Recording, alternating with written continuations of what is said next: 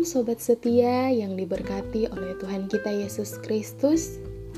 Saya Lisa Mokodompis, mahasiswi Fakultas Keperawatan Universitas Pelita Harapan, ETP 2018. Sebelum kita merenungkan firman Tuhan, saya mengajak kita semua untuk tetap melakukan protokol kesehatan. Mari kita semua mendoakan untuk ETP 2019 yang mulai menyusun proposal. Biarlah mereka bisa menyelesaikannya dengan baik. Kita juga terus sama-sama mendoakan untuk situasi pandemi COVID-19 yang saat ini masih kita hadapi. Biarlah situasi ini dapat cepat berakhir. Nats kita dari pengkhotbah 7 ayat 23 sampai dengan 29 akan menjadi perenungan kita. Nats kita akan dibacakan oleh Nurse Riani Roro yang berada di Siloam Banjarmasin. Terima kasih untuk supportnya dan kiranya Tuhan memimpin Nurse Riani sebagai duty manager di sana dan kiranya melalui Nersriani nama Tuhan dimuliakan.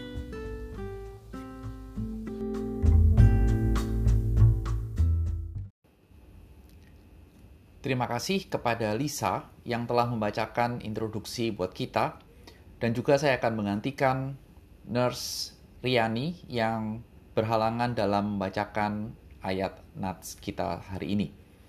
Dengan tema misteri kehidupan, Inilah pengkhotbah 3, pengkhotbah 7 ayat 23 sampai dengan 29. Kesemuanya ini telah kuuji untuk mencapai hikmat. Kataku, aku hendak memperoleh hikmat, tetapi hikmat itu jauh daripadaku. Apa yang ada itu jauh dan dalam, sangat dalam, siapa yang dapat menemukannya? Aku tujukan perhatianku untuk memahami, menyelidiki, dan mencari hikmat, dan kesimpulan serta untuk mengetahui bahwa kefasikan itu kebodohan dan kebebalan itu kegilaan dan aku menemukan sesuatu yang lebih pahit daripada maut. Perempuan yang adalah jala, yang hatinya adalah jerat dan tangannya adalah belenggu. Orang yang dikenan Allah terhindar daripadanya, tetapi orang yang berdosa ditangkapnya. Lihatlah, ini yang kudapati, kata pengkhotbah. Sementara menyatukan yang satu dengan yang lain untuk mendapatkan kesimpulan, yang masih kucari tetapi tidak kudapati Kudapati seorang laki-laki di antara seribu, tetapi tidak kudapati seorang perempuan di antara mereka. Lihatlah, hanya ini yang kudapati, bahwa Allah telah menjadikan manusia yang jujur, tetapi mereka banyak dalih.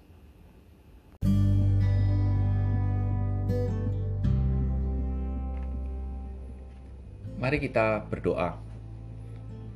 Bapa kami dalam surga, kiranya melalui perenungan ini Engkau menerangi jalan kami, Demi Kristus, amin. Sobat setia, pernahkah kita menyadari bahwa ketika kita sekolah, kita diminta untuk belajar banyak ilmu? Dan ketika kita belajar banyak ilmu, hingga akhirnya kita melewati bangku SD, SMP, sampai ke kuliahan, dan kita belajar ilmu yang lebih khusus lagi, pernahkah kita bertanya, untuk apa saya belajar dan tahu semua yang telah saya pelajari? Kira-kira untuk apa? Ada yang ingin menjawab? Sayang, saya tidak bisa mendapat respon secara langsung karena ini rekaman. Kalau jawaban guru saya atau era 80 sampai dengan 90 dan mungkin sampai dengan saat ini, mereka mengatakan bahwa kita belajar supaya pintar, tidak bodoh, sehingga tidak dibodohin dan dimanfaatkan oleh orang lain. Betul, saya setuju. Kira-kira itulah yang disampaikan oleh Salomo dalam ayat yang ke-23. Nuansanya, soundnya sama. Bahwa ketika dia meneliti semua adalah untuk mencapai hikmat dan bukan saja pengetahuan.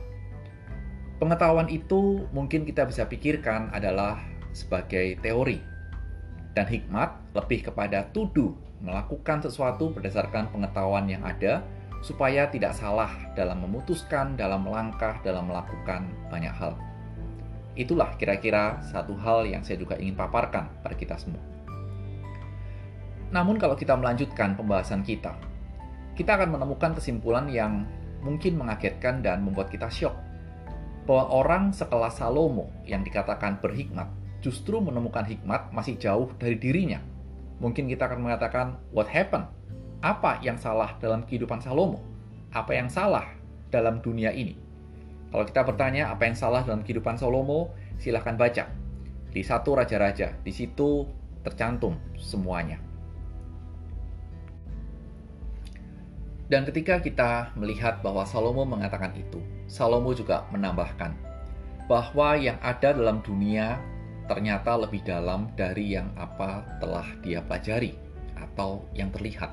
Itu muncul di ayat 24. Dan bahasa lain atau saya menyederhanakan adalah terlalu banyak misteri dalam kehidupan di bawah matahari. Ingat, manusia juga tidak bisa mengetahui masa depannya di bawah matahari selain kematian yang sudah pasti yang akan terjadi di ayat-ayat yang sudah kita bahas di episode yang lalu. Sehingga dalam kehidupan yang ibaratnya banyak kejutan misteri-misteri itu, Salomo juga memaparkan, masih ada orang fasik dan orang bebal, yang kalau diartikan, hidup seakan-akan tahu semua, bahasa kita sok tahu, dan hidup dengan meniadakan Tuhan dalam kehidupannya. Hidup mengandalkan kekuatannya sendiri, pikirannya sendiri, kehendaknya sendiri, emosinya sendiri, dan lain-lain. Dan inilah yang oleh pengkhotbah disebut dengan kegilaan dan kebodohan. Bahasa lainnya dan bahasa saya adalah orang seperti itu adalah bodoh banget. Dan ternyata penggambaran dalam pengkhotbah nats kita, orang yang seperti itu adalah orang yang masuk dalam jerat dosa. Sehingga mereka benar-benar menggenapi apa yang tertulis dalam Roma pasal yang ketiga. Orang berdosa itu tidak peduli dengan Allah. Allah itu entah ada entah tidak. I don't care, kira-kira bahasanya begitu. Karena Allah itu jauh, Allah itu tidak dekat, tidak bisa dilihat, tidak bisa dirasa, dan lain sebagainya. Dan kalau seperti itu, apakah mereka mencari Allah? Tidak. Mereka pasti tidak mencari Allah, dan plus di ayat 29, kalau kita perhatikan, manusia yang berdosa itu berdalih dengan berbagai macam kepintaran dan ilmu yang telah mereka pelajari. Sobat setia, dalam nats kita inilah suatu gambaran kehidupan orang di bawah matahari. Dan mungkin itu juga menjadi sebuah gambaran dan cerminan bagi kita. Dan ada orang yang menyadari bahwa mereka dalam hidup ini perlu hikmat. Tapi ternyata hikmat tidak cukup. Dan sadar bahwa hikmat tidak cukup, kekuatan dalam hidup sangat rapuh dalam menopang hidup di dunia ini, dan itu yang mungkin kita pikirkan. Dan mungkin orang berkata, dalam world picture, orang melihat bahwa orang punya banyak uang memang bisa pergi ke rumah sakit untuk berobat. Namun kekuatan dari uang hanya sampai di situ. Selebihnya, let's see what will happen. Lihat apa yang akan terjadi. Karena apa? Uang tidak bisa memberikan sebuah kesehatan. Dan inilah yang harus juga menjadi sebuah kesadaran kita. Bahwa kekuatan yang kita miliki dalam dunia ini sangat rapuh. Sehingga mari kita pikirkan, kalau begini, bagaimana? Saya hidup, kita hidup, kita harus menjalani kehidupan yang benar-benar tidak mudah.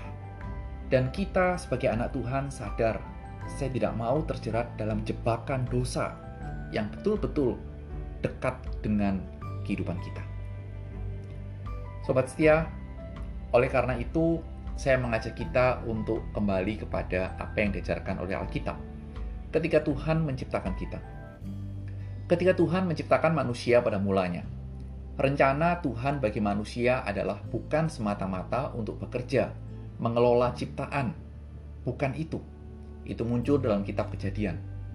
Namun kita bisa melihat bahwa salah satu tujuan penting atau utama dalam Tuhan menciptakan manusia adalah menikmati indahnya relasi dengan Tuhan. Dan bukan ketakutan seperti ketika manusia sudah jatuh dalam dosa. Tapi sayangnya relasi itu hancur dengan hadirnya dosa. Allah, tetapi Allah juga tidak tinggal diam.